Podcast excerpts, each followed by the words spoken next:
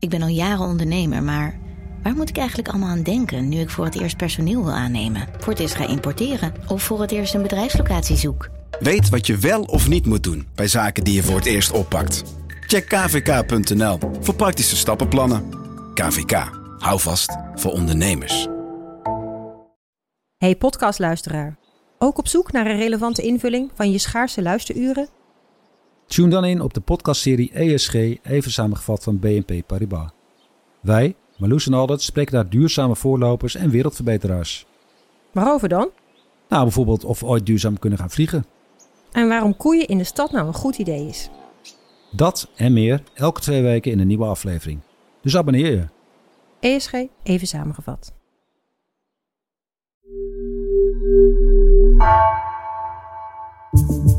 Vanaf de redactie van NRC het verhaal van vandaag.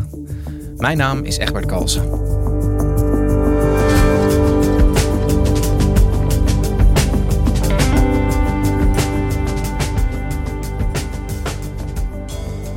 Sinds de oorlog tussen Israël en Hamas begon, is er ook een informatieoorlog losgebarsten.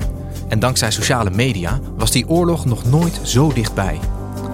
Van beide zijden wordt geprobeerd het eigen slachtofferschap maximaal te benadrukken, vertelt mediaredacteur Toon Beemsterboer. Maar hoe weet je nou wat waar is?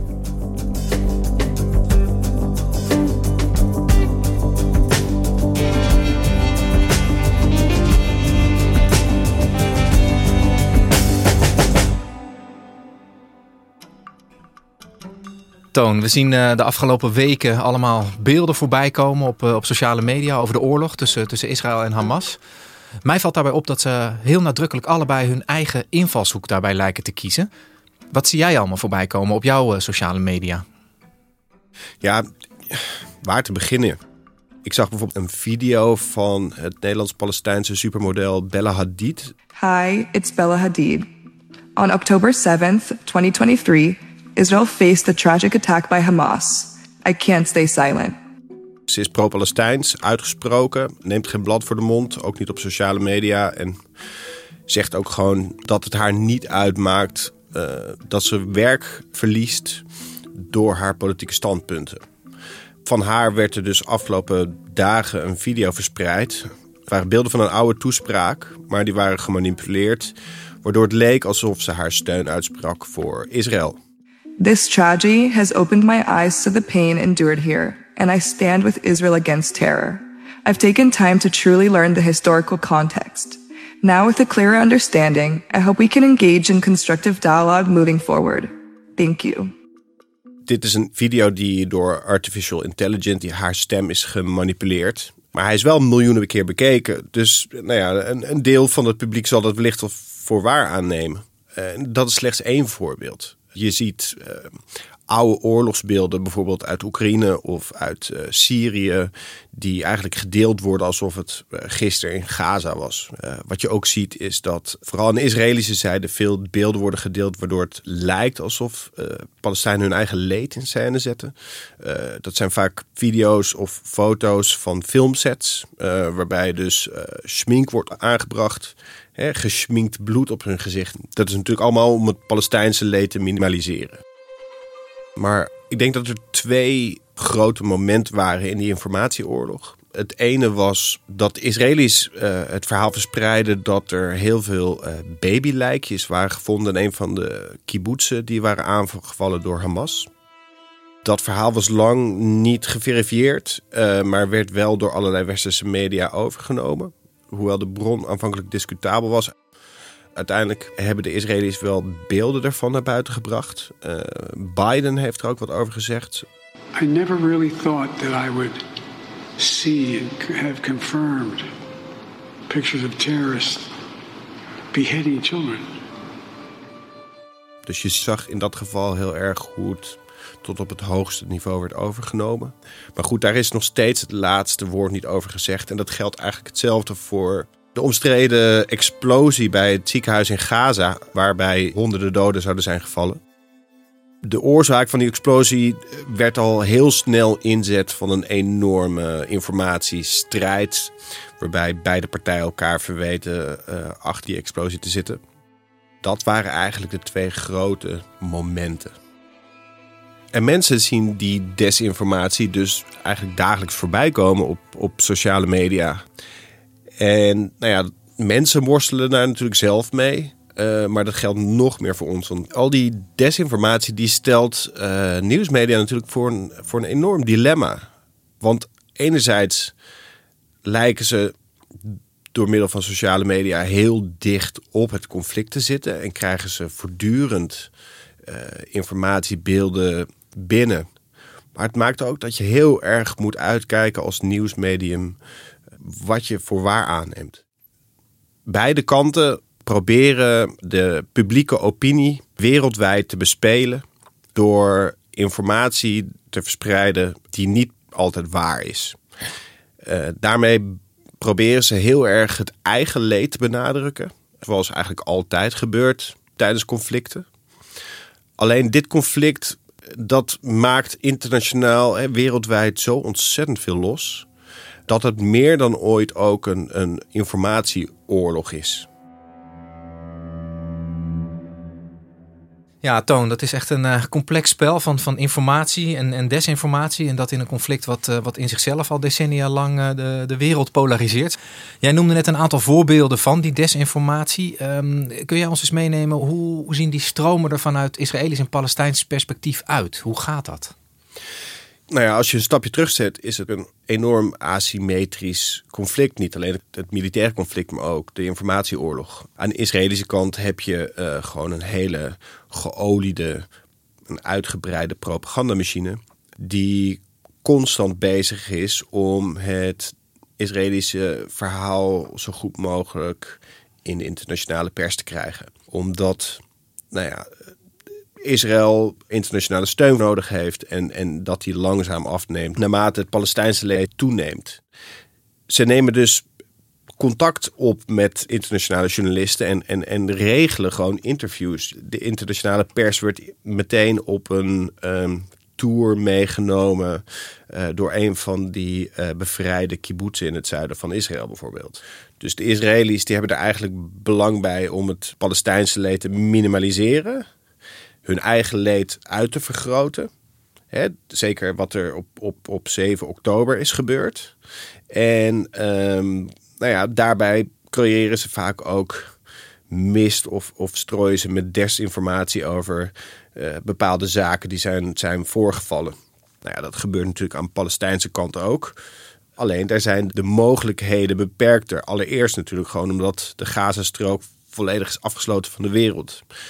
En omdat telefoonverkeer en internet lastig en soms zelfs onmogelijk is, komt er maar zeer mondjesmaat informatie uit de Gazastrook. En is het moeilijk om bepaalde dingen te checken. En Hamas uh, brengt ook wel eh, propagandavideo's naar buiten, maar geeft natuurlijk geen dagelijkse persconferenties of iets dergelijks, uh, want die zitten ondergrond. Dus wat ze wel doen is, ze brengen video's uit, bijvoorbeeld van gevechtshandelingen waarbij ze zich presenteren als nou ja, de leider van het Palestijnse verzet tegen Israël. Ja, daarnaast wordt het, het burgerleed in Gaza natuurlijk zoveel mogelijk uh, uitvergroot door Hamas, maar ook door Palestijnen in, in de Gazastrook. Met het doel om een gevechtspauze af te dwingen of een, een humanitaire corridor uh, naar de Gazastrook af te dwingen. Soms heb je het idee zelfs dat je als je foto's ziet uit Gazastrook, uh, dat, dat mensen echt zeg maar hun, hun kind zo naar de camera gewoon het tonen van, weet je, letterlijk het tonen van het leed. Ja, het is eigenlijk, het is echt een, uh, je, je zou het een strijd om, om het slachtofferschap kunnen noemen. Ja, dus vanuit, vanuit de verzenders van die informatie zijn de doelen eigenlijk wel helder. Hè? En zij proberen zoveel mogelijk aandacht daarvoor te krijgen. Uh, een van de nou, betrekkelijk nieuwe dingen in, in dit huidige conflict is de rol die sociale media platforms hierin spelen, volgens mij. Ja, kun je daar eens wat over vertellen? Ja, nou ja, goed. Er is natuurlijk heel veel gezegd en geschreven over um, social media als verspreiders van, van desinformatie. En dat is natuurlijk ook zeker uh, in dit geval aan de orde. Uh, je ziet wel dat elk platform heeft eigenlijk zijn eigen richtlijnen. En die zijn soms eh, strenger dan bij anderen. Zo, zie je eigenlijk na de overname van Elon Musk dat X een soort van vrijplaats is geworden. Die hele eh, afdeling die eh, de verspreiding van valse informatie en nepnieuws hielp te voorkomen, heeft hij, heeft hij ontslagen. Dus daar is niks meer van over. Je ziet wel dat andere platforms zoals Meta, Facebook en Instagram, daar wordt wel actiever toegezien op de informatie die verspreid wordt. Maar daar zag je de afgelopen weken weer de, de keerzijde ervan. Namelijk, daar kreeg je eigenlijk juist veel verhalen over shadowbanning bij, bij de platform van Meta, zoals Instagram als Facebook. Uh, shadowbanning, dan moet je even uitleggen, denk ik. Ja, dat is dus het minder zichtbaar maken van posts of accounts zonder dat je daar de, uh, de, de, houder van het account over inlicht. Ja, het stiekem wegdrukken eigenlijk. Precies. Ja. Het leek er sterk op dat Meta bepaalde Palestijnse stemmen onderdrukte. En daar hebben ze later ook hun excuses voor aangeboden. Uh, ze zeiden dat het een probleem was met het algoritme. Ze hadden namelijk na de Gaza-oorlog hadden ze strengere richtlijnen ingevoerd voor het delen van nou ja, graphic content, hè, bloedige foto's en, en, en dat soort dingen. Want ze willen Instagram een beetje gezellig houden.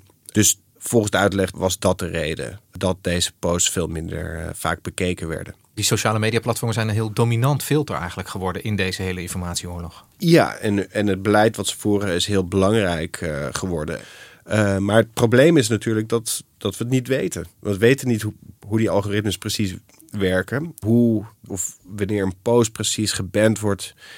Dat is zo onduidelijk dat het eigenlijk heel erg lastig is om hier definitieve conclusies uh, aan te verbinden. Ja, ja. Hey, en Toon, um, journalisten maken ook veel gebruik van, uh, van die social media. Hè? Wij, wij, kijken ook de hele dag uh, nou ja, op Facebook en op, uh, op X om, om te zien wat er in de wereld gebeurt. Um, als daar zoveel desinformatie en zo voorbij komt, hoe, hoe ga je dan te werk? Hoe weet je dat, dat wij als NRC zeg maar, het goede verhaal over zo'n conflict opschrijven? Ja, dat is enorm lastig. Idealiter stuur je natuurlijk iemand naar Gaza om daar gewoon eh, op de grond te zijn en, en, en daar gewoon dingen zelf te kunnen checken. Maar ja, allereerst kom je Gaza niet in. En zelfs als je zou kunnen, zou je dat moeten willen in deze situatie. Dat is maar zeer de vraag. Het is uh, bloedlink.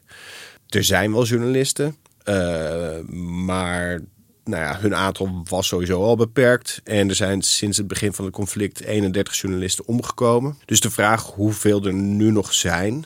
Um, ja, dus ben je toch afhankelijk van secundaire bronnen. Nou ja, hoe weet je dat die beelden kloppen? Daar kan je bijvoorbeeld OSINT-achtige analyses op loslaten. Dat is Open Source Intelligence, staat die afkorting voor. Dat betekent in feite dat je gaan digitaal rechercheren doet. Je, je, je bekijkt allerlei beelden die bijvoorbeeld uit Gaza komen. En je kijkt of, daar, of die gemanipuleerd zijn, of die oud zijn of recent. Uh, je kan misschien uh, brokstukken van de munitie zien. Dus je kan zien wat voor type munitie gebruikt wordt, uh, wat voor type wapens. Um, dus zo kun je je dingen afleiden en misschien bepaalde conclusies trekken. Maar goed, voordat die beelden er zijn, duurt het natuurlijk een tijd. En, en vaak is die tijd er niet. En is er enorme tijdsdruk bij nieuwsmedia om zo snel mogelijk met een verhaal te komen. Ja, want, want hoe gaat NRC ermee om? Dat je, dat je moet publiceren eigenlijk gewoon omdat er een krant naar de drukker moet, terwijl je nog niet alles weet. Uh, ja, nou ja, goed, dat, uh, dat is een spanningsveld. Hè? En uh, nou ja, als het goed is, gaan we daar heel terughoudend mee om. Dat we eigenlijk geen verbarige conclusies trekken. Maar soms gaat het wel eens mis. Zoals bijvoorbeeld gebeurde in de nasleep van de explosie uh, bij het ziekenhuis in Gaza, het Al-Achli Arab ziekenhuis. En onze adjunct hoofdredacteur Sandra Smallenburg was die avond aan het werk. Ja, het was uh, rond kwart voor acht s avonds. Ik was inmiddels thuis. En uh, toen kreeg ik een appje van de nieuwsmanager van dienst. Die zei: Ha, mag ik je even storen met een vraag? Nieuws komt binnen dat Israël een ziekenhuis heeft gebombardeerd met volgens Hamas honderden doden. Vind je dat dat een voorpagina waard is? Toen heb ik me eigenlijk meteen teruggeappt nadat ik ook de beelden zelf op het journaal had gezien. en de heftigheid en de gruwelijkheid daarvan. dat dit absoluut een voorpagina waard was. Dus we hebben toen besloten om de voorpagina om te gooien en daar een, een stevig bericht op te zetten. De buitenlandredacteur is meteen gaan tikken. Die had dus daar ongeveer een uur slechts de tijd voor. Um, want de, de, de tijd dat we naar de drukker gaan is, is om kwart voor tien. Inmiddels waren er ook persalarmen binnengekomen van onder meer de New York Times, van de NOS, dat er inderdaad een Israëlisch bombardement was met honderden doden in het ziekenhuis. Dus alle tekenen wezen er toen nog op dat het een Israëlische aanval was. Vrij snel die avond nog bleek dat er toch echt wel heel veel twijfel was over de aard uh, van de aanval. Uh, dus online zijn er toen direct aanpassingen geweest in het stuk. Maar ja, die papieren krant die komt dan de volgende ochtend op de mat vallen bij heel veel lezers en ook bij mezelf. En dan zie je heel stellig staan Israël verantwoordelijk voor bombardement ziekenhuis. Ja, en die voorpagina konden we toen niet meer verdedigen. Um, op dat moment heb ik uh, in overleg met de hoofdredacteur besloten om dat bericht te laten rectificeren. Dat is best een ingrijpende stap. Uh, betekent dat ik de eerste alinea van het nieuwsbericht zakelijker heb laten maken. en we hebben rectificaties zowel op papier als onder het online bericht gezet. Dit laat echt zien hoe moeilijk het is hè, om zo'n oorlog te verslaan, waarbij je te maken hebt met propaganda van beide zijden, uh, waarbij uh, je voortdurend die afweging moet maken van dit is heel heftig nieuws, daar was iedereen het over eens, dit moeten we brengen, dit moeten we snel brengen. Um, alleen uh, belangrijk is echt om te blijven kijken naar waar komt de informatie vandaan en het toe te schrijven als je het niet zeker weet. Dit is volgens Hamas of volgens de Israëlische regering um, uh, is dit en dit gebeurd. Uh, en als je het niet zeker weet, dat ook niet uh, zo stellig benoemen. En dit, ja, dit is een journalistieke les voor ons allen. dat we ook in deze verschrikkelijke oorlog onafhankelijk moeten blijven verslaan. We moeten ervoor zorgen dat de waarheid naar boven komt. En dat is onze belangrijkste journalistieke taak. In de dagen na die explosie zijn er heel veel grote internationale media geweest die een soort van fact-check hebben gepubliceerd of een uh, reconstructie van de gebeurtenissen op basis van wat we weten, op basis van open source intelligence. Um, maar de conclusie van al die stukken is eigenlijk niet eenduidig. En zolang we eigenlijk geen tastbaar bewijs hebben, zoiets als een, een munitiescherf. Hè, dus als je een onderzoeksteam Gaza in kon sturen om dat soort bewijsmateriaal te verzamelen. Zolang dat niet gebeurt, weten we het eigenlijk niet zeker. Wat, wat, raad jij onze luisteraars aan? Zowel als het gaat over, over het volgen van dit conflict in de media, als als het gaat over hun eigen rol als, als, als gebruiker van sociale media? Het is heel een tegenstrijdige reflex, maar om niet. Ja, don't believe your eyes. Weet je, je denkt vaak dat je iets ziet. En dat bleek dan toch weer net iets anders te zitten. Artificial intelligence wordt steeds prevalenter. Je, je weet gewoon echt niet meer wat je ziet en of het waar is of niet. Het kunnen oude beelden zijn, het kunnen gefabriceerde beelden zijn. En uh, ja, als je het echt niet weet of je, je, wil dingen checken, gebruik um, reverse image uh, search. Dus ga, kijken of een, iets wat je voorbij ziet komen daadwerkelijk daar vandaan komt. Of misschien is het wel een oudere foto uit 2016 of 15 uit een heel ander conflict. Uh, dat kun je met behulp van uh, platformen als Bing of uh, Yandex, Google Lens. Er zijn een aantal van dat soort ehm, platformen waarmee je dus reverse image search kan doen. Dat is voor de mensen die er meer tijd in willen steken. Als je dat niet wil, prima. Maar wees dan voorzichtig en terughoudend. En, en denk heel goed na over uh, of wat je deelt op sociale media, of dat bijdraagt aan een, aan een uh, constructieve discussie. Want het is een heel oud conflict en een heel complex conflict. Dat voor beide partijen een existentiële ondertoon heeft. Uh, dus ik denk dat het heel erg belangrijk is om, om die emoties in het oog te houden als je iets deelt. Uiteindelijk is al het leed in deze oorlog, of het nou om Israëliërs of om Palestijnen gaat, uiteindelijk zijn het allemaal mensen. En, ze moeten voorkomen dat, dat we zo emotioneel in dit conflict staan dat we de andere partij gaan dehumaniseren of niet meer als mensen gaan zien. Dankjewel, Toon. Graag gedaan, Egbert.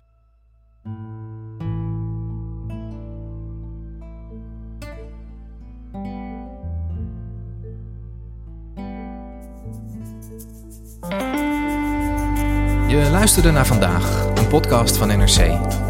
Eén verhaal, elke dag. Deze aflevering werd gemaakt door Ruben Pest en Stef Visjager. Coördinatie Henk Ruigrok van de Werven. Dit was vandaag, morgen weer.